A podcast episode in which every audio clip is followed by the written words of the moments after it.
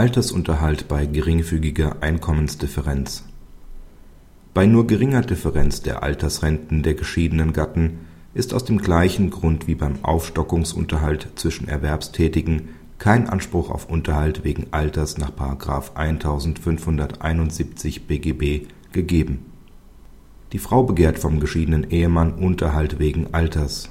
Sie beantragt die Gewährung von Prozesskostenhilfe. Das Amtsgericht weist den Antrag zurück, da nur eine geringfügige Einkommensdifferenz besteht.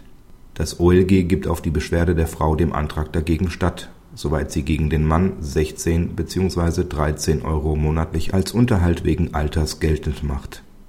Die beantragte Prozesskostenhilfe wurde jedoch bewilligt mit der Begründung, es handele sich bei der Frage, ob auch bei nur geringfügiger Einkommensdifferenz ein Anspruch auf Unterhalt wegen Alters besteht, um ein schwieriges rechtliches Problem, das höchstrichterlich noch nicht geklärt sei.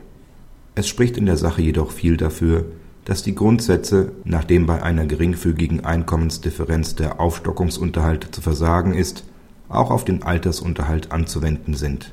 Grund hierfür ist, dass bei Rentenbezug beider Parteien sich die finanzielle Situation nicht grundlegend von der geschiedener Eheleute unterscheidet, die über Erwerbseinkommen verfügen.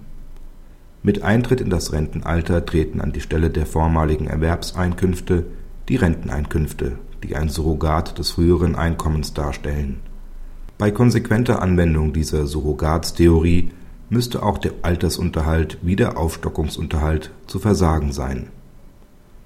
Praxishinweis Aufstockungsunterhalt ist nach der obergerichtlichen Rechtsprechung zu versagen, wenn er den Mindestbetrag von 100 DM nicht erreicht bzw. er 10 Prozent des bereinigten Nettoeinkommens des Bedürftigen nicht übersteigt